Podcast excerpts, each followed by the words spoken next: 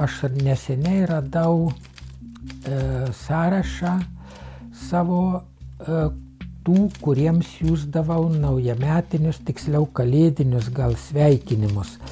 E, iš viso e, tam sąraše buvo 35 asmenys. 30 buvo užsienyje, ispanakalbėse šalyse ir 5 buvo, na, giminaičiai, draugai pažįstami Lietuvoje. Sveiki, aš esu Paulo Bambulytė. Šiuo metu studijuoju Arts and Sciences programą UCL, Londone, tačiau prasidėjus karantinui grįžau į Lietuvą ir tęsiau mokslus nuotoliniu būdu o šią vasarą atlikau praktiką NAR. Ir šiame tinklalaidės epizode kalbėsiuosi su Broniumi Davidaičiu. Bronius yra vertėjas iš ispanų kalbos bei ispanų kalbos dėstytojas. Jis pradėjo savo darbą dar sovietmečiu ir iš ispanų kalbos vertė grožinę literatūrą. Įvairius romanus, novelės, apsakymus, sudarė keletą pratybų skirtų mokytis ispanų kalbos. Ir nors šiuo metu Jis jau yra pensijoje, tačiau verčia likščiol. Su broniumi susipažinau norėdama išmokti ispanų kalbos. Laisvu laiku jis vis dar jos moko. Tačiau nors jo pamokose tikėjausi išmokti gramatikos ir praplėsti žodyną, gavau daug daugiau. Nemažai sužinau apie ispanakalbių šalių kultūrą, jų tradicijas, taip pat susidraugavau su pačiu broniumi. Jis dažnai pasidalindavo patirtimi iš savo kelionių, mokymo patirties, iš savo vertimų ir man pasirodė, kad būtų be galo įdomu jam žinti jo pasakojimus. O ir jis pats pritarė šią idėją, bei norėjo palikti atminimą savo anūkams. Tad kviečiu klausytis epizodo su broniumi Davidaičiu.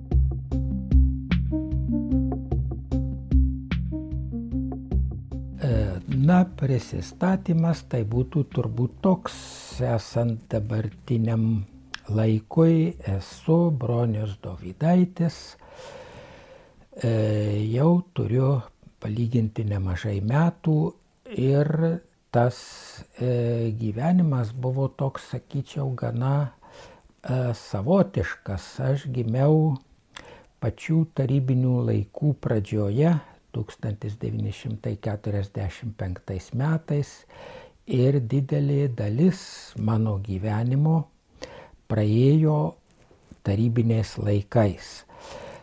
E, iš pradžių mokykla pradinė ir viskas ėjo kaip įprasta daugeliui, bet vėliau, e, kada jau tolimam, mes gyvenom Žemaitijos kaime, nors šiaip esu suvalkietis. E, tėvai įsigijo radiją ir aš e, pirmą kartą išgirdau ispaniškas dainas, tai buvo daugiausia e, meksikiečių lengvoji muzika. E, pajutau, kad man labai įdomu ta kalba, kuria dainuojamos dainos, ir aš panorau suprasti, apie ką dainuojama.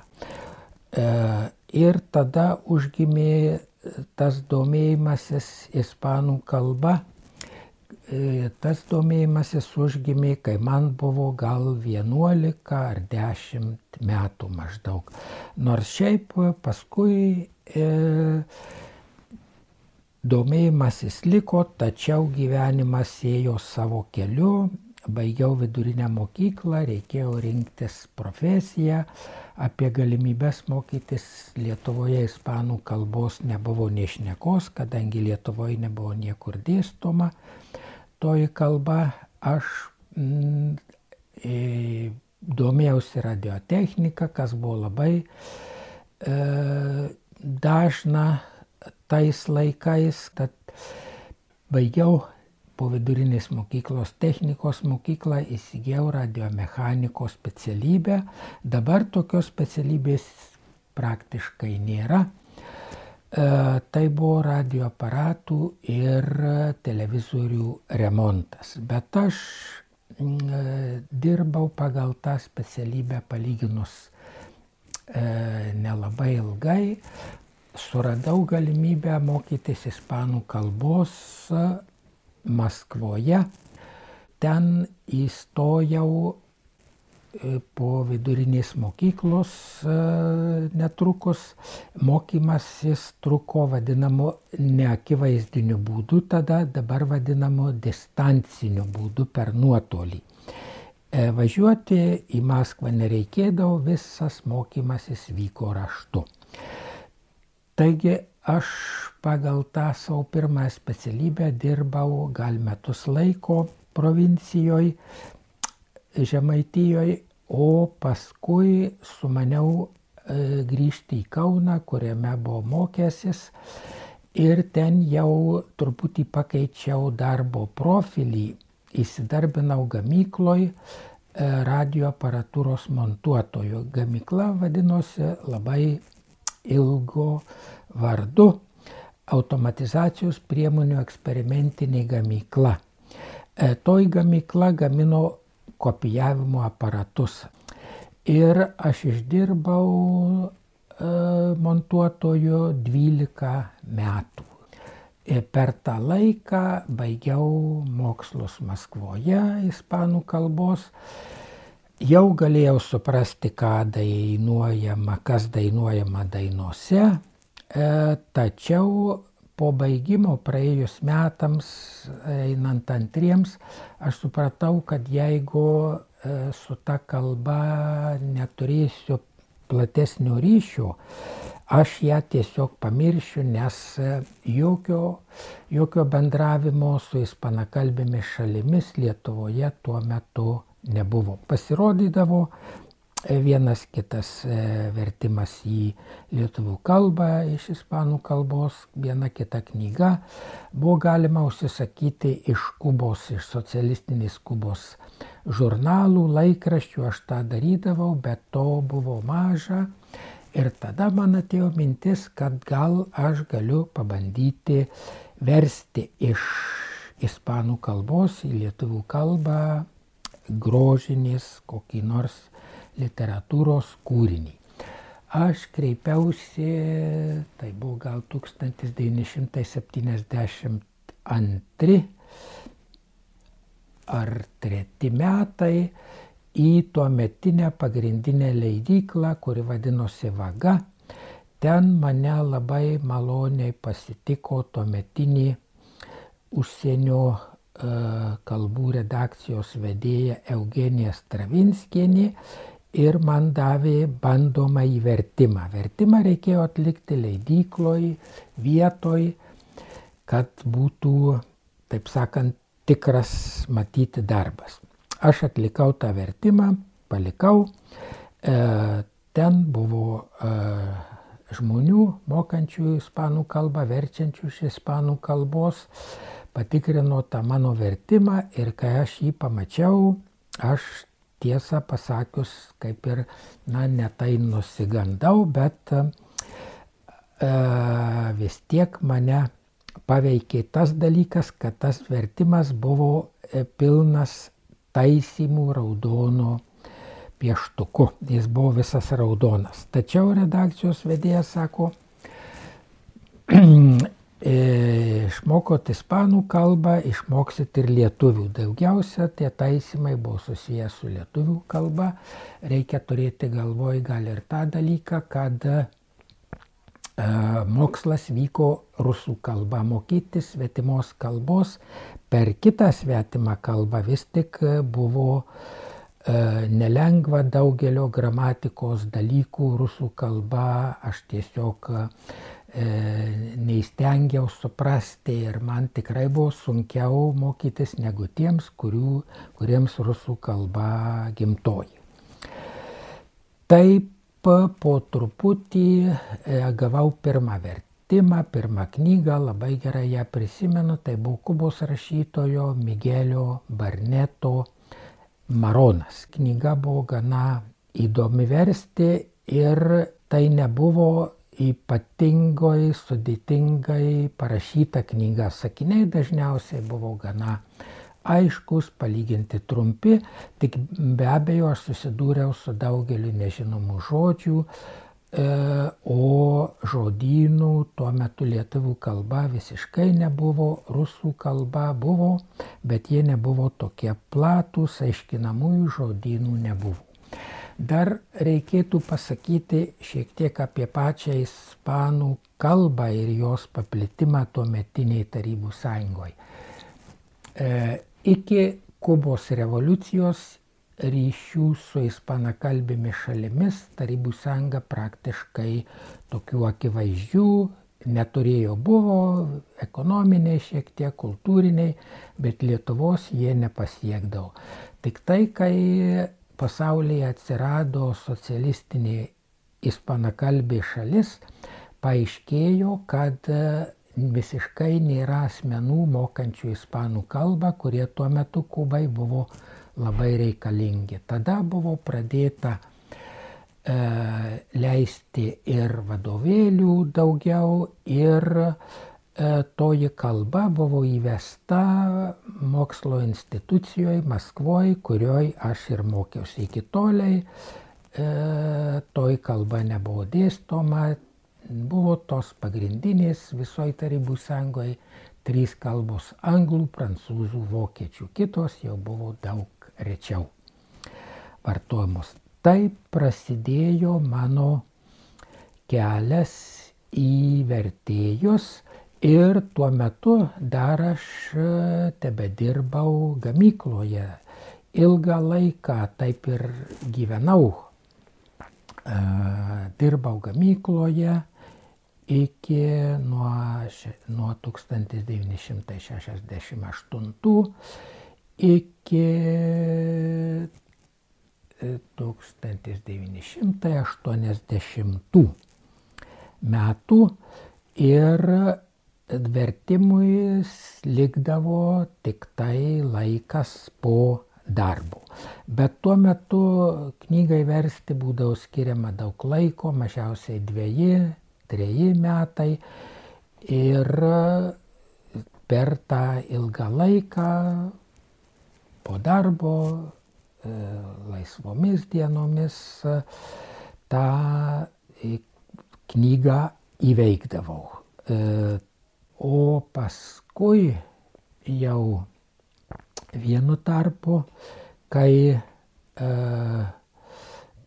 nebedirbau gamykloje, turėjau E, šiek tiek daugiau laiko, vienu tarpu netgi užsimiau vien vertimais, bet tas truko neilgai, vis tiek reikėjo kokio nors pragyvenimo šaltinio, tad dirbau ir kitus darbus. Na, o paskui jau pasikeitimas didysis gyvenime įvyko tada, kai Lietuva atkūrė nepriklausomybę. Šiais laikais mes turime daug galimybių praktikuotis užsienio kalbą, dažnai ir nukeliauti į šalį, kurioje ją kalbama. Tačiau bronius mokėsi ispanų kalbos sovietmečiu. Keliauti tada praktiškai nebuvo galimybių. Visgi jam vis vien pavyko tuo laikotarpiu aplankyti net ir labai tolimą šalį - Kubą. Man buvo įdomu išgirsti, kaip jis ten nukeliavo ir kokią reikšmę jam kaip vertėjai turėjo ši kelionė. Kalbant apie praktinį kalbos vartojimą, tai e, Gorbačiovo perestroikos laikais jau pasidarė lengviau išvažiuoti į užsienį ir 1970 e, 1287 metais man pavyko išvažiuoti į Kubą, tokio kaip ir pusiau vertėjo pagalbiniu. E, važiavo, mat važiavo į Kubą gintaro choras iš Kauno ir man pavyko prie jo pritapti. E, pritapau e, prie to choro E, gerbiamo rašytojo ir žurnalisto Algymanto Čekuolio dėka, už ką jam esu neapsakomai dėkingas. Kelionė buvo labai įdomi, kadangi tai buvo ispanakalbė šalis, bet to tropinė šalis. Ir čia galiu dar paminėti vieną tokį dalyką, kaip svarbu e, vertėjui kiek įmanoma labiau susipažinti su e, šalies, kurios kūryba verčiama yra e, kultūra, gyvenimo, gamta ir visa, visu tuo, kas yra tokia, toje šalyje. Ir čia prisimenu vieną atvejį, nuvažiavus į e, Kubą, e, pati pirmoji išvyka e, išvažiuojant iš Havanos e, prasidėjo anksti rytą, vis mes važiuojam autobusu ir aš matau vaikšto galvijai, e, ganydamiesi ir ant jų vis nutupia e, ir vaikštinėja kažką lesiodami tokie balti paukščiai maždaug gal balandžio didumo. Čia man kilo toks įtarimas vienas dėl mano versto e, žodžio, pačioj pirmojoj knygoj. Ten yra kalbama toj knygoje apie Kubos gamtą, paukščius ir minimi yra tokie paukščiai erklesiai. Paukščiai, kurie į, nuo gyvūnų rankioja įvairius gyvius, erkės gyvūnai, tie galvijai e, būna patenkinti ir jų nebaido, net kai nutupė tie paukščiai ant jų. Tačiau vienoj vietoj, kur knygą verčiant reikėjo paminėti tų paukščių spalvą, e, su kažkuo pasitaręs aš nusprendžiau, kad, e, nu, mes kartu nusprendėm, kad tie paukščiai gal juodi yra. E, ir taip aš parašiau, kad juodi paukščiai suko lizdą. Tenai kai aš susivokiau, kad tai yra tie patys paukščiai, kurie e, suko lizdą knygoje ir lesa erkės nuo galvijų, pasirodo, tie paukščiai yra balti. Tai čia buvo toks labai akivaizdus pavyzdys, kaip svarbu vertėjui pažinti tuos kraštus, e, iš, e, su kuriais jisai susiduria, versdamas e, kūrybą iš tų kraštų, bet čia reikia iš karto pasakyti, kad e, bepiga yra, tarkim, e, vertėjoj iš lenkų kalbos. Nėra lenkiškai kalbančios valstybės ar bent keliolikos už tūkstančio už kelių tūkstančių kilometrų. Ispanakalbių šalių yra 20. Kiekviena jų labai skiriasi. Skiriasi gamta, papročiais, gyvenimo būdu. Ir e, jas pažinti visas yra labai sunku, net neįmanoma visų jų gerai pažinti, tenka dėmesį sutelkti į tą šalis, kurios gal vis tik didesnės, su kuriuom atsiranda galimybė geriau susipažinti. Tai iš kelionės į Kubą galiu paminėti tokį, tokį epizodą, kuris susijęs su pačia kalba, su vertėjavimu. Na ir dar čia e, norėčiau vieną dalyką paminėti. Kai aš mokiausi tos kalbos, tai galvojau, kad man užteks, e, jog aš suprasiu, kas yra dainuojama tose dainuose, kad aš e, galėsiu susirašinėti, bet e, susirašinėti man nesisekė dėl to, kad užmėgsti ryšį su tolimomis panakalbėm šalim buvo labai sunku. Aš rašydavau laiškus įvairiais adresais, nugirstais per užsienio radiją, bet tie laiškai, kiek aš supratau, turbūt net neišeidavo iš tuo metinės tarybų sąjungos. Ir e, jau gyvendamas Kaune susipažinau su vadinamais reemigrantais, kurių buvo tuo metu Lietuvoje, tai buvo asmenys kadaise prieš antrą pasaulinį karą išvykę į Pietų Ameriką, į Argentiną, į Urugvajų ir vėliau jie grįžę buvo į Lietuvą, e, bendravau su jais, nes tai buvo vienintelis būdas praktiniam kalbos naudojimui. Ir atvažiuodavo kartais iš Argentinos ar iš Urugvajaus lietuvių į Lietuvą ir jie, e, kai atvažiuodavo, tai būdavo rengiamas toks susitikimas Lietuvoje gyvenančių e, reemigrantų ir tų atvykusiųjų. Aš tenai m, turėdamas tas pažintis irgi pakliūdavau, ten būdavo labai įdomu. Jie tarpusavyje irgi šnekėdavo ispaniškai, kepdavo tradicinį kepsnį, asado, tai ant laužo kepta jautiena ir gerdavo e, Paragvajaus arbatą matė. Ten aš pirmą kartą paragavau tos arbatos, nors ji man tada nelabai patiko, aš ją pamėgau tik tai daug vėliau. Ir tenai sužinojęs, kad vienas lietuvis yra iš Argentinos, e, aš priejau jį prie jo, e, paprašiau, kad jis paduotų mano adresą kokiam nors argentiniečiui, nes aš noriu susipažinti e, su Argentina Tina, su, susirašinėti ir paprašiau, kad gal ką paieškotų. Jisai sako, ką man ieškoti, aš turiu dukrą maždaug tokio pat amžiaus kaip jūs, aš jai paduosiu tą adresą ir e, galėsite užmėgsti ryšį. Taip ir buvo, aš iš jos gavau laišką ir mes ilgai susirašinėjom, o pirmas atkaklus mano prašymas buvo, kad man atsiųstų aiškinamą į ispanų kalbos žodyną.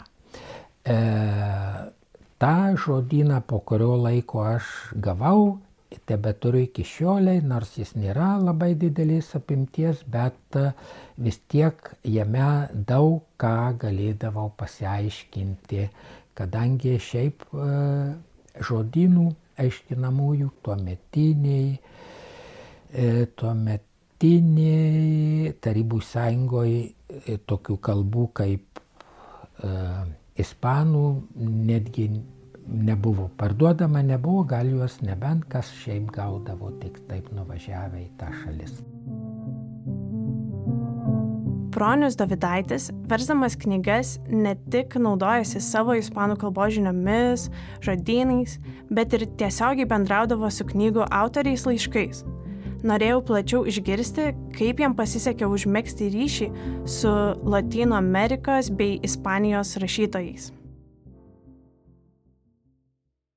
Pavyko ryšį užmėgsti su autoriais dar e, tarybiniais laikais. E, net aš e, neprisimenu, e,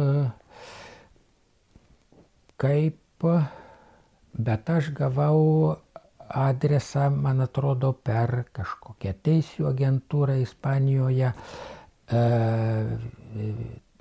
Nobelio premijos laureato Kamilo Jose Selos adresą. E, mes susirašinėjom, aš kaip tik verčiau tuo metu e, du jo kūrinius ir aš jam e, rašydavau laiškus, kuriame suklodavau viską, kas man neaišku, jisai man paaiškindavo ir atrašydavo.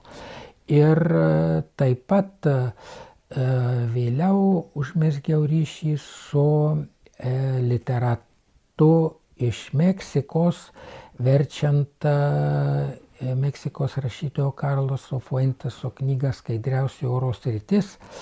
Ten būdavo tiek neaiškumų daug, kad aš surašydavau mažiausiai kiekvienam laiške po 20 klausimų ir vėliau aš gaudavau į tuos klausimus atsakymus, visi tie susirašinėjimai man labai padėjo.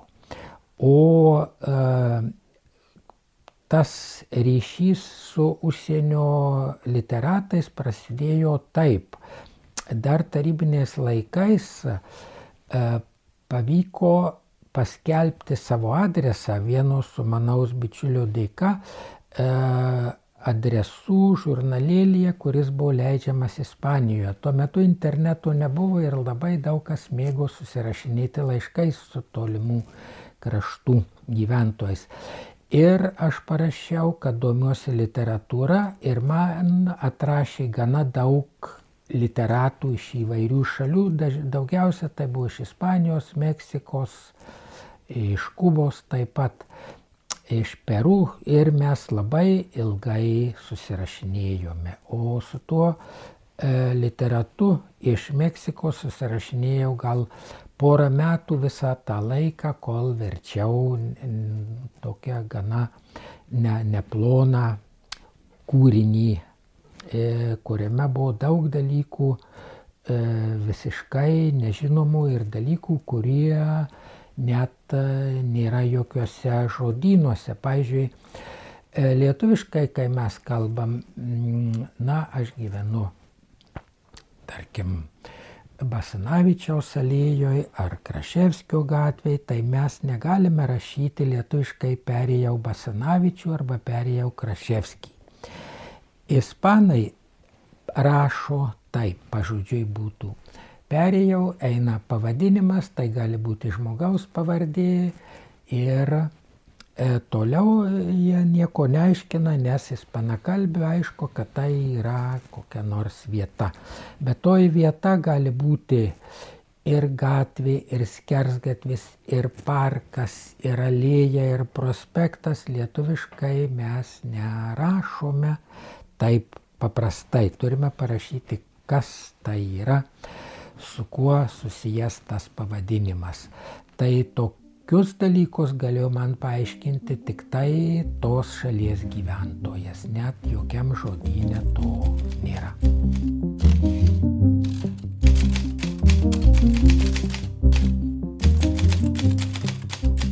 Tie žmonės, su kuriais susirašinėdavau, e, pirmiausia, tai buvo man labai dėmesingi jiem buvo įdomu e, tas e, nežinomas kraštas, apie Lietuvą jie praktiškai nieko nežinodavo ir e, kai aš užmesgiau ryšius su vienu literatu iš Ispanijos, jis man atsiuntė savo kūrybos, aš ją išverčiau, man pavyko įspausdinti periodinėje spaudoje vieną kitą kūrinį jie buvo na, labai patenkinti tuo, nes tai buvo jiems išėjimas į užsienį, taip galima sakyti.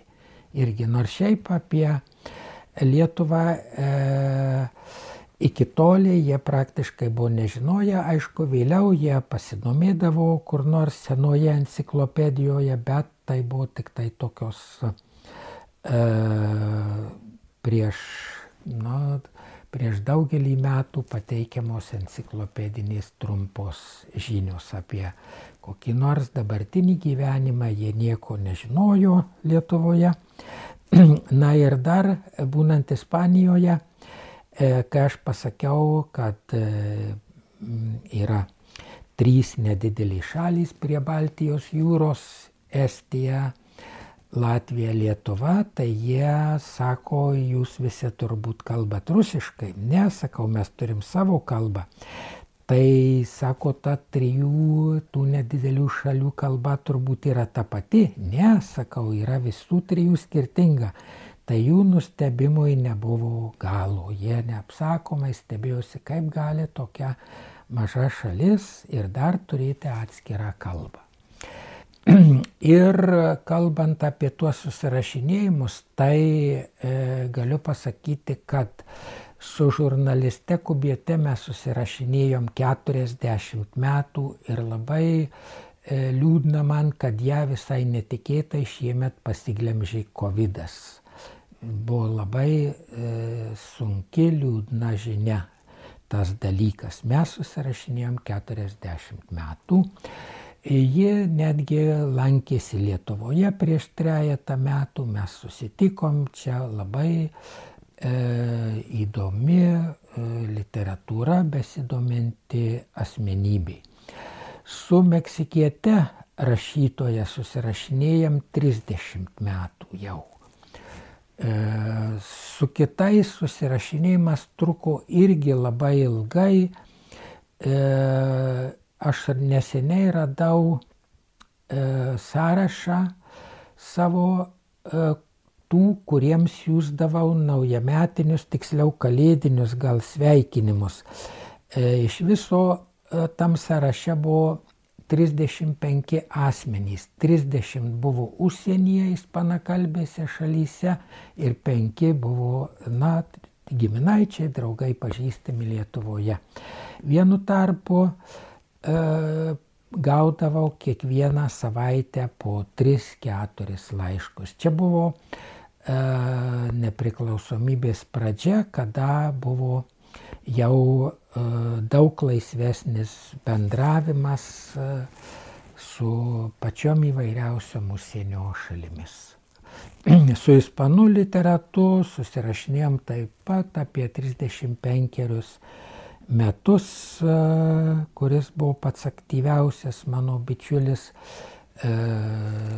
Na, nežinau, ar jis tebėra gyvas dar, nors jam jau turėtų būti nemažai metų, laiškų nuo jo nebegaunu, bet buvo vienas iš ištikimiausių mano draugų ir kai aš verčiau e, ispanų noveles, yra tokia serija į knygų įvairių šalių novelės, tai literatūrą gavau praktiškai visą, iš kurios galėjau pasirinkti reikiamus kūrinius iš savo bičiulių ispanakalbių. Aš atkakliai prašiau jų, kad man siūstų įvairias antologijas. Vienas man parašė, kad jam gaila atsiųsti e, ispanų rašytų antologiją, turi vienintelę tokią, bet kilniam reikalui jisai ją paukoja. Aš ją tebe turiu iki šioliai. Toliau pokalbio metu Bronius pačiu papasakoja apie savo ryšį su keletu susirašinėjimo draugų, su kuriais jam pavyko susitikti ir gyvai. Tai e, kai buvau Kuboje, e, telefonų knygoje aš susiradau e, pirmosios knygos autorių Miguelis Barnetas. E, garsus Kubos rašytojas, e, išgarsėjęs tą pirmąją knygą Maronas apie vergo išgyvenusio, na, aš bijau sumeluoti, ar šimtą šešerius ar šimtą septynerius metus ir kai kalbėjosi rašytojas su juo, tam buvusiam vergui buvo jau daugiau negu šimtas metų. E, su juo mes susitikom, pabendravom maloniai. E, vėliau e, man teko būti Ispanijoje, jau kada išvažiuoti buvo galima laisviau. Iš karto pirmiausia 1988 metais aš vykau į Ispaniją. Mane pakvietė bičiulis, su kuriuo susirašinėjau, Julianas Gustemsas. Jis gyvena gražiam, e, garsiam Ispanijos mieste Barcelonoje. Maloniai mane priėmė, gyvenau pas jį beveik mėnesį. E, jo tris e, apsakymus buvau įtraukęs į ispanų noveles. Jis labai didžiavosi, kad yra greta didžiųjų rašytojų Ispanijos klasikų, kadangi e, na, e, jo kūryba man patiko dėl to, kad na, atspindėjo tiesiog e, vieną jo gyvenimo epizodų, vienas apsakymas. E, Franko laikais jis turėjo eiti į kariuomenę, e, tada jisai pareiškė, kad esas pacifistas ir neis į Franko kariuomenę, buvo uždarytas į kalėjimą, palaikytas tris mėnesius ir išsiųstas tarnauti į Afriką, į Maroką, jei neklystu. Tarnyba Maroke e, tuo metu, e, dali, tarnyba Maroke kariuomenė tuo metu dalinai galima prilyginti dabartiniai tarnybai Afganistane. Kadangi tai buvo ispanų kolonija, e, na, ji nebuvo taip gal e, tokio, tokio stovio, kokiam yra Afganistanas, tokia būklė nebuvo, bet vietiniai gyventojai buvo priešiški ir tarnyba ten buvo tikrai gana pavojinga. Ir vieną iš tų epizodų rašytojas e, pavaizdavo savo apsakymę. E, toliau iki šiol tebe susirašinėjo su e, meksikiete Alicija Uskanga Lavalje. Ji yra literatė iš pašaukimo, o šiaip dirbo e, darbus, kurie taipogi tokio yra humanitarinio tipo. Ji buvo anglų kalbos dėstytoja.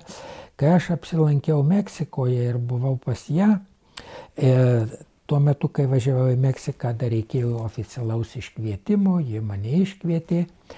Aš gyvenau pas ją, ji dirbo mergaičių licėjaus direktorė. Aš apsilankiau pas ją jos darbe, licėjoje ir šiaip buvo labai įdomu pabendrauti su ją, e, kadangi tai tokio, na, kaip sakant, didelės erudicijos asmenybė.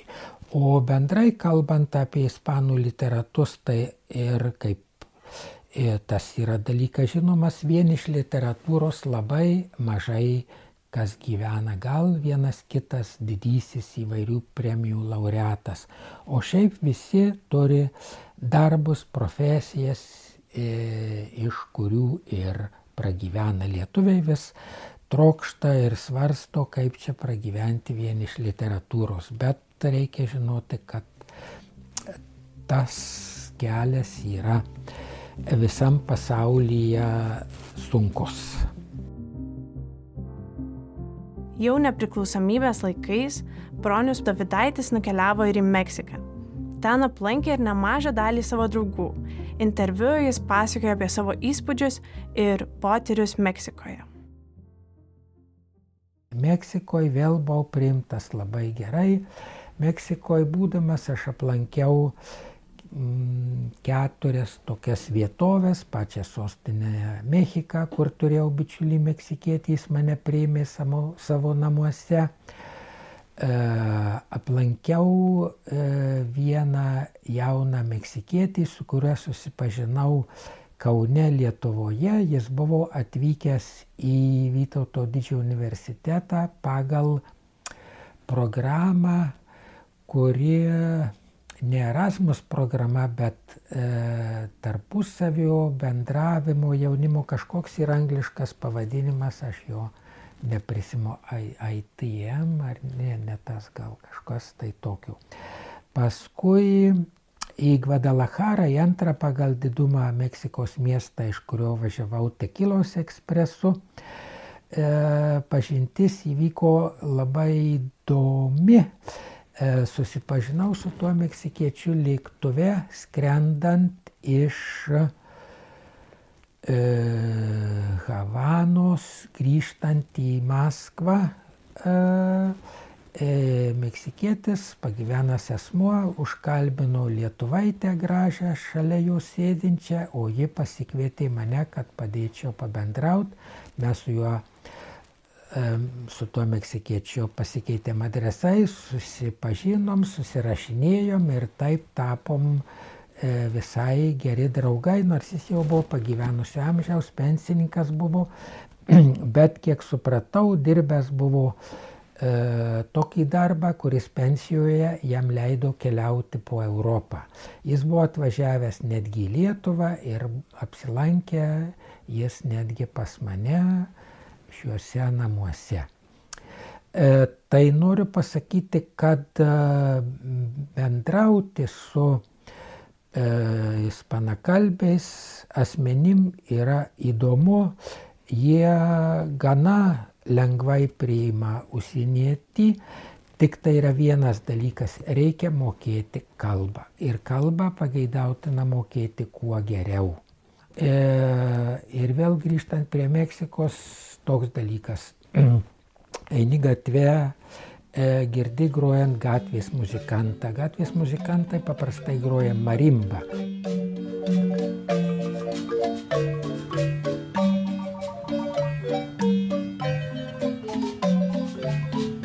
Tai yra toks e, instrumentas, kurį galima būtų palyginti su ksilofonu. Dalinai tai yra instrumentas, kurio klaviatūra yra iš medinių plokštelių, e, skambesys yra labai savitas, įdomus. Ir prieini prie muzikanto, užkalbini jį, prisėdi, paprašai, kad atliktų kokį kūrinį, na, e, besidomintis e, tą šalimi žino pačius populiariausius to šalies kūrinius, kurie yra grojami. Tai yra lengvosios muzikos kūriniai, muzikantas mielai pagroja ir atsisveikinęs keliauji, palieki jam tam tikrą užmokestį kažkiek ir atsisveikinęs keliauji toliau. Nemokėdamas kalbos to negalėsi padaryti. Na ir dar čia prie to norėčiau paminėti tokį dalyką. E, su bičiule Alicija mes vakarieniavom. Įgyvena tarp kitko kurortiniam e, dideliam mieste, Kankūne. E, mes e, pietavom vienam restorane, kur irgi groja marimba muzikantas. Aš jo paprašiau atlikti vieną kūrinį, bet jisai sako, aš moku tą kūrinį, bet jo nemoka mano porininkas. Marimba gali groti vienas, bet paprastai groja mažiausiai dviese, net keturiese groja, nes reikia akompanimentų. E, jis pagrojo kitą kūrinį mums bepietaujant ir po to girdžiu, kad groja tą kūrinį, kurį aš buvau prašęs. Pastebėjau, kad kažkoks asmuo nuo tos pakilos, kur buvo e, muzikantas grojantis tam restorane, nubėgo kažkur kitur. Ir mes klausiam, iš kur jisai vėl taip atrado tą grojėją. Sako, e, radau kitam restorane ir pasikviečiau, nors mes jau jam buvom atsilyginę už tą pirmą kūrinį. Tai tas rodo tokį, na, dėmesį, atidumą ir, na, sakyčiau, net tokio elgesio kultūrą tam tikrą kad e, norėjo tiesiog padaryti viską, ką galima. Dar vienas dalykas, kurį norėčiau paminėti apie Meksikos klimatą. Aš buvau Meksikoje Liepos mėnesį. Liepos mėnesyje Mexike, Meksikos sostinėje yra toks reiškinys. Kiekvieną dieną apie penktą valandą pradeda lyti ispanui, su kuriuo susitikau e, Meksikoje, tas dalykas buvo labai juokingas. Jis sako, man čia galima mirti iš juoko kiekvieną dieną penktą valandą lyja. Na, aišku, ispanui labai juokingai atrodo, kad ko ne reguliariai pagal laikrodį pradeda lyti, nes Ispanijoje e, gali penkis mėnesius visiškai nelyti, ypač centrinėje Ispanijoje, Madride. E, ir e, čia e, šitas reiškinys labai savitas yra Centrinėje Amerikoje, kur lyja netgi du kartus per dieną prieš pietų ir po pietų. O e, tuo geras toks klimatas europiečių, užsieniečių, kad naktys yra vėsios, čia turiu galvoj centrinę Meksiką, Mexiko miestą, kuris yra kalnuose 1300 m virš jūros lygio. Naktį būna 12-13 laipsnių ir galima ramiai išsimiegoti. Tačiau Jukatano pusėsalyje, kur buvau pas mane iškvietusią bičiulę, jau yra tikri tropikai, dieną pavėsyje 39, naktį 29. Miegoti įmanoma tik tai, kai virš galvos sukasi didžiulis ventiliatorius. Antraip iš karto tvanku ir miegas jau būna labai prastas. Užmiegi ir pabundi nuo tvankos. Keletas broniaus draugų ne tik metai iš metų rašydavo jam laiškus, bet ir buvo atkeliavę pas jį į Lietuvą. Apie vieną iš vizitų, kaip jo draugė iš Kubos lankėsi Lietuvoje, pasakoja Bronius. Tai e, turint galvoje sunku ekonominį gyvenimą Kuboje, e, trūkumą visų prekių, maisto, aprangos, avalynės, tai ji e, negalėjo tuo atsistebėti, kaip mes na, tiesiog gražiai ir turtingai gyvenam. Ji buvo namuose pas mane, šiaip ji gyveno pas tokią pažįstamą mano, kuri buvo mokiusis ispanų kalbos.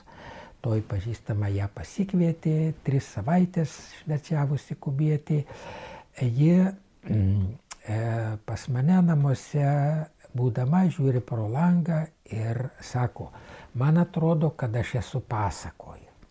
Tai čia, na, E, manau, e, didžiausias įvertinimas. Na, aišku, reikia turėti galvoje, kad yra iš tokios šalies, kur tas socialinis gyvenimas, aplinka e, gana yra mm, sunkus, yra tiesiog nelengvas. Ir jeigu, nežinau, lietuviai gal nelabai atkreipė dėmesį į tai, kad pagaliau Kuboje kilo E, protestai vieši prieš dabartinę santvarką, ką 60 metų nebuvo įmanoma įsivaizduoti netgi.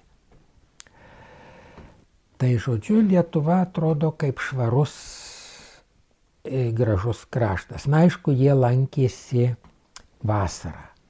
Žiemą čia jau sunkesnis gyvenimas būtų, tikrai sunkesnis. Taip pat žinau, kad bronius ne tik dirbo vertėjų, bet ir buvo dėstytojas Vytauto didžiojo universitete Kaune. Net ir dabar, būdamas pensijoje, jis vis dar mokė įvairius žmonės ispanų kalbos savo namuose. Dėl to norėjau daugiau sužinoti, kaip jis tapo dėstytoju ir kokią reikšmę tai turėjo jo gyvenime.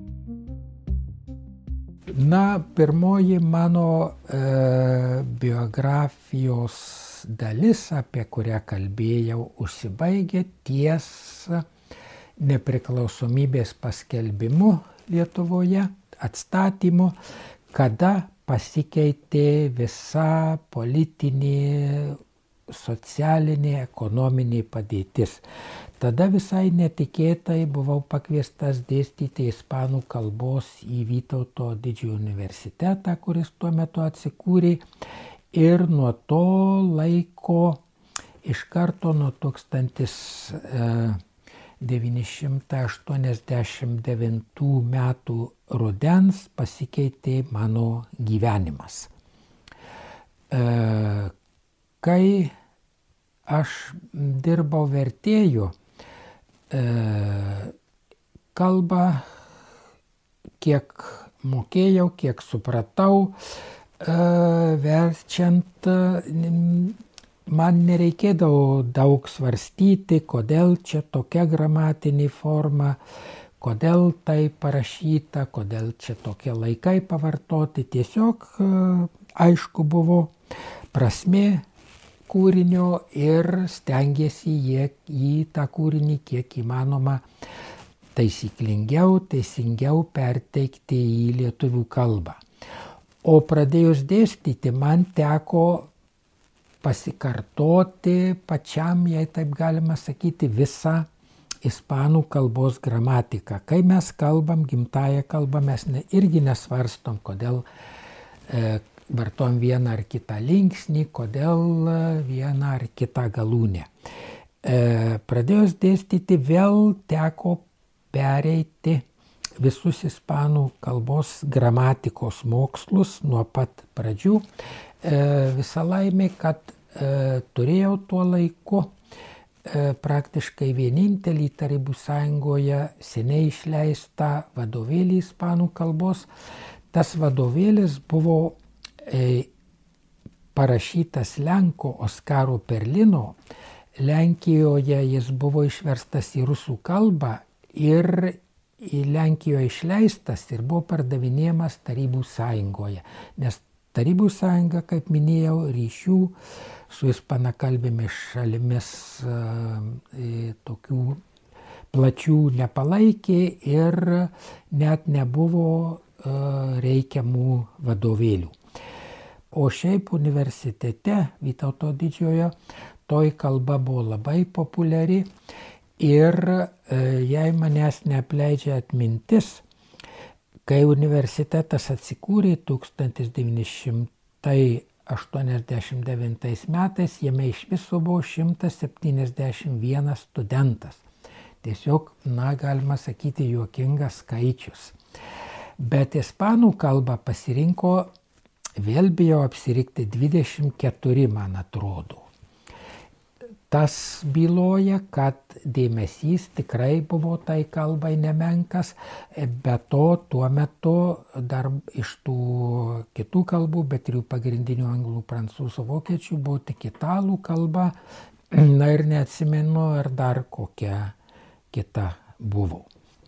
Na, vėliau jau e, keitėsi vadovėliai, keitėsi programos, tačiau vienas buvo didelis privalumas universitete, kas kalbą mokantis yra labai svarbu, kad paskaitos užsienio kalbų vyko penkis kartus per savaitę.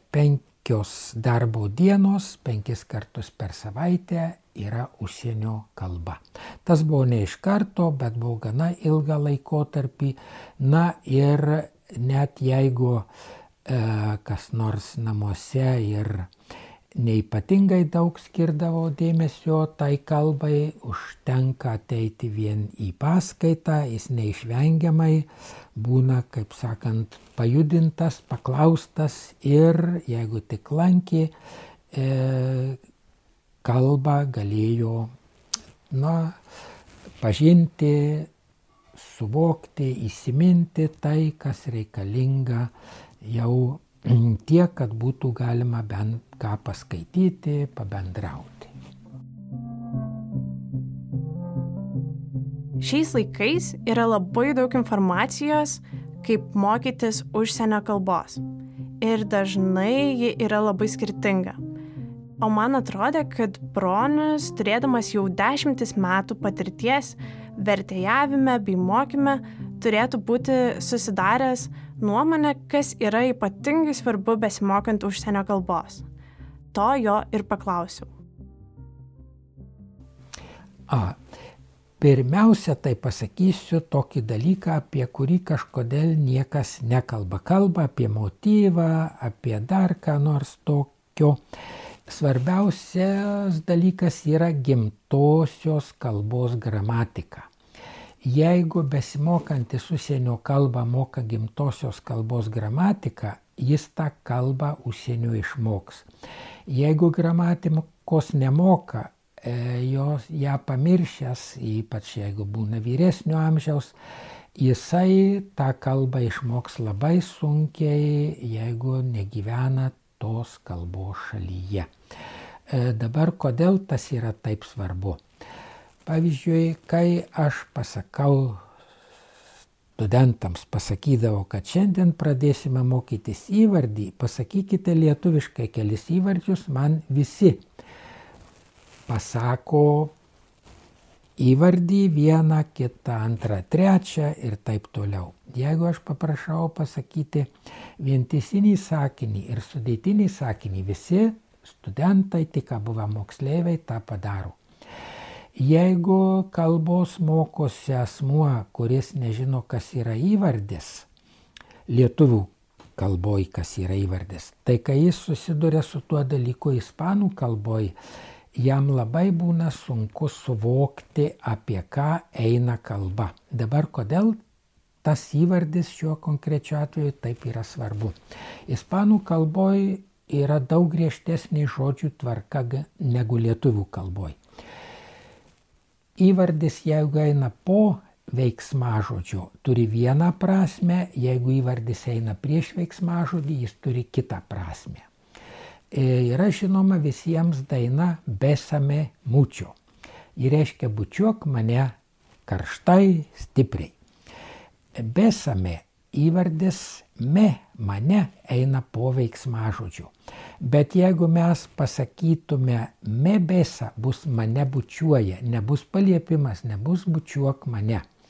Lietuviškai galima sakyti mane bučiuok ir bučiuok mane. Ispanas tikrai supras, ką bučiuoti. Ispaniškai mebesa jau bus jis mane bučiuoja ir ispanas nesupras, prie ko čia jisai yra, jeigu kažkas tą merginą jau bučiuoja.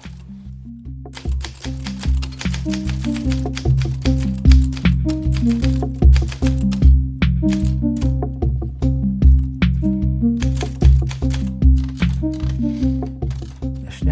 apie tokį dalyką kaip užsienio kalbų reikalingumą dabar, kada yra atviros sienos, o lie, mes su lietuvių kalba labai netoli galim nukeliauti, nebent tik į pasienį su Lenkija, kur gyvena nemažai lietuvių. Tai kalba tiesiog užsienio kalba, kad ir kokia būtų, ji yra tiesiog na, būtina šio laikiniam gyvenime. E, na, o ispanų kalba E, pravarti visiems, kurie e, nebūtinai sieja savo gyvenimo su ta kalba kaip profesija, bet net ir važiuojant poilsiauti į Ispaniją, kad ir kelioms savaitėms pravartu išmokti E, keletą žodžių, o ypač pasisveikinti ir atsisveikinti. Reikia žinoti, kad lietuviai pasirodo Ispanijoje esą labai nemandagus.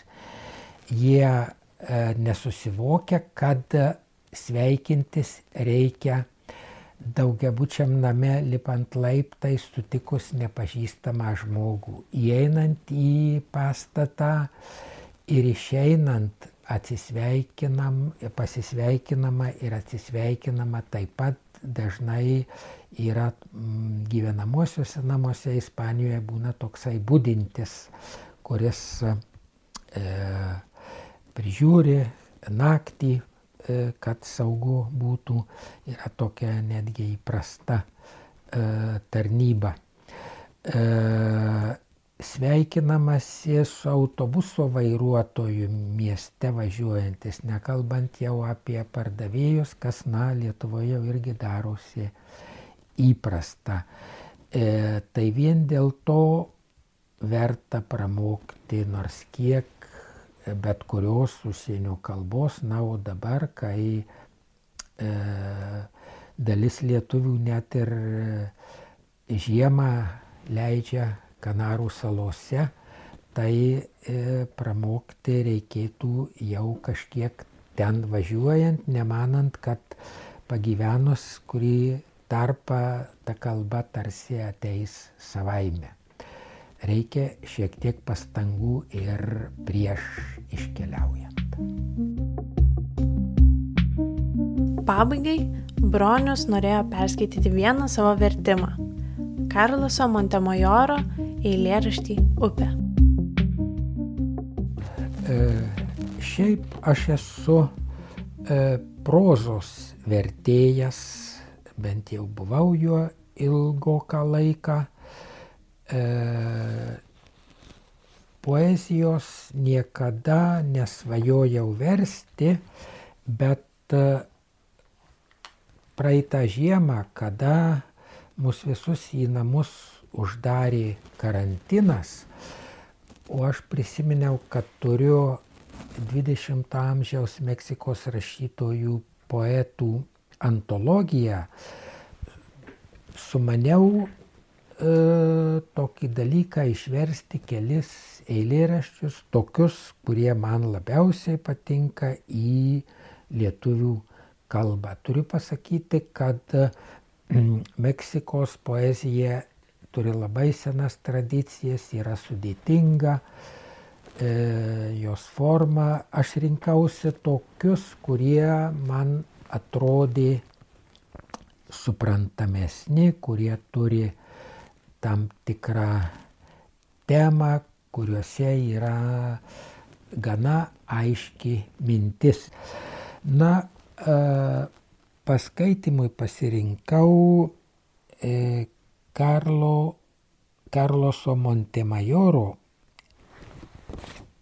gimusio 1947 metais poeto eilėraštį upė, e, tai sprendžiant pagal gimimo metus jau yra nebejaunas kūrėjas e, ir, taip sakant, laiko patikrintas kūrėjas, kurio kūrinys atrinktas e, antologija. Antologijai visada atrenkama yra kūriniai, kurie jau e, ir skaitytojų, ir kritikų pripažinti, kuriuos jau yra patikrinęs laikas. Eilėraštis vadinasi Upė. Kai aš buvau dar vaikas, naktimis išėjus iš namų, man rodės, kad girdžiu, kaip iš kitapus upės iš toli kažkas mane vis šaukia dangun rankas pakėlęs. Pro neramios nakties garsus vis tenkdavau suvokti, ką sako tasai balsas, bet žvaigždės telkėsi krūvon ir kėlė kurtinantį triukšmą, lyg jų vidaus kaitra neduotų joms ramybės. Ir žemė taipgi skleidė įvairius garsus, uolų, šaknų, dienų, įkaitusių po dulkiam vasaros karštos, o žiburiai languos atrodė irgi kaip gyvi. Nuo aplink mirgančių šviesų dingojosi, kad visa glėbė lyg kokia mitinė būtybė. Ir gi aš, sėdėdamas ant žemės, vis girdėjau balsą, o Dieve mano, tik tai aš girdėjau būdamas laukia. Žinau, kad ir dabar naktim kažkas vis mane šaukia.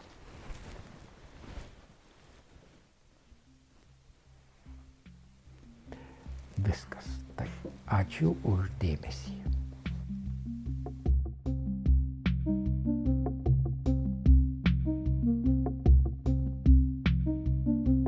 Toks buvo pokalbis su vertėju Broniumi Davidaičiu. Čia buvo Paulo Bumbulytė ir tikiuosi, kad jums patiko šis epizodas. Iki kitų kartų.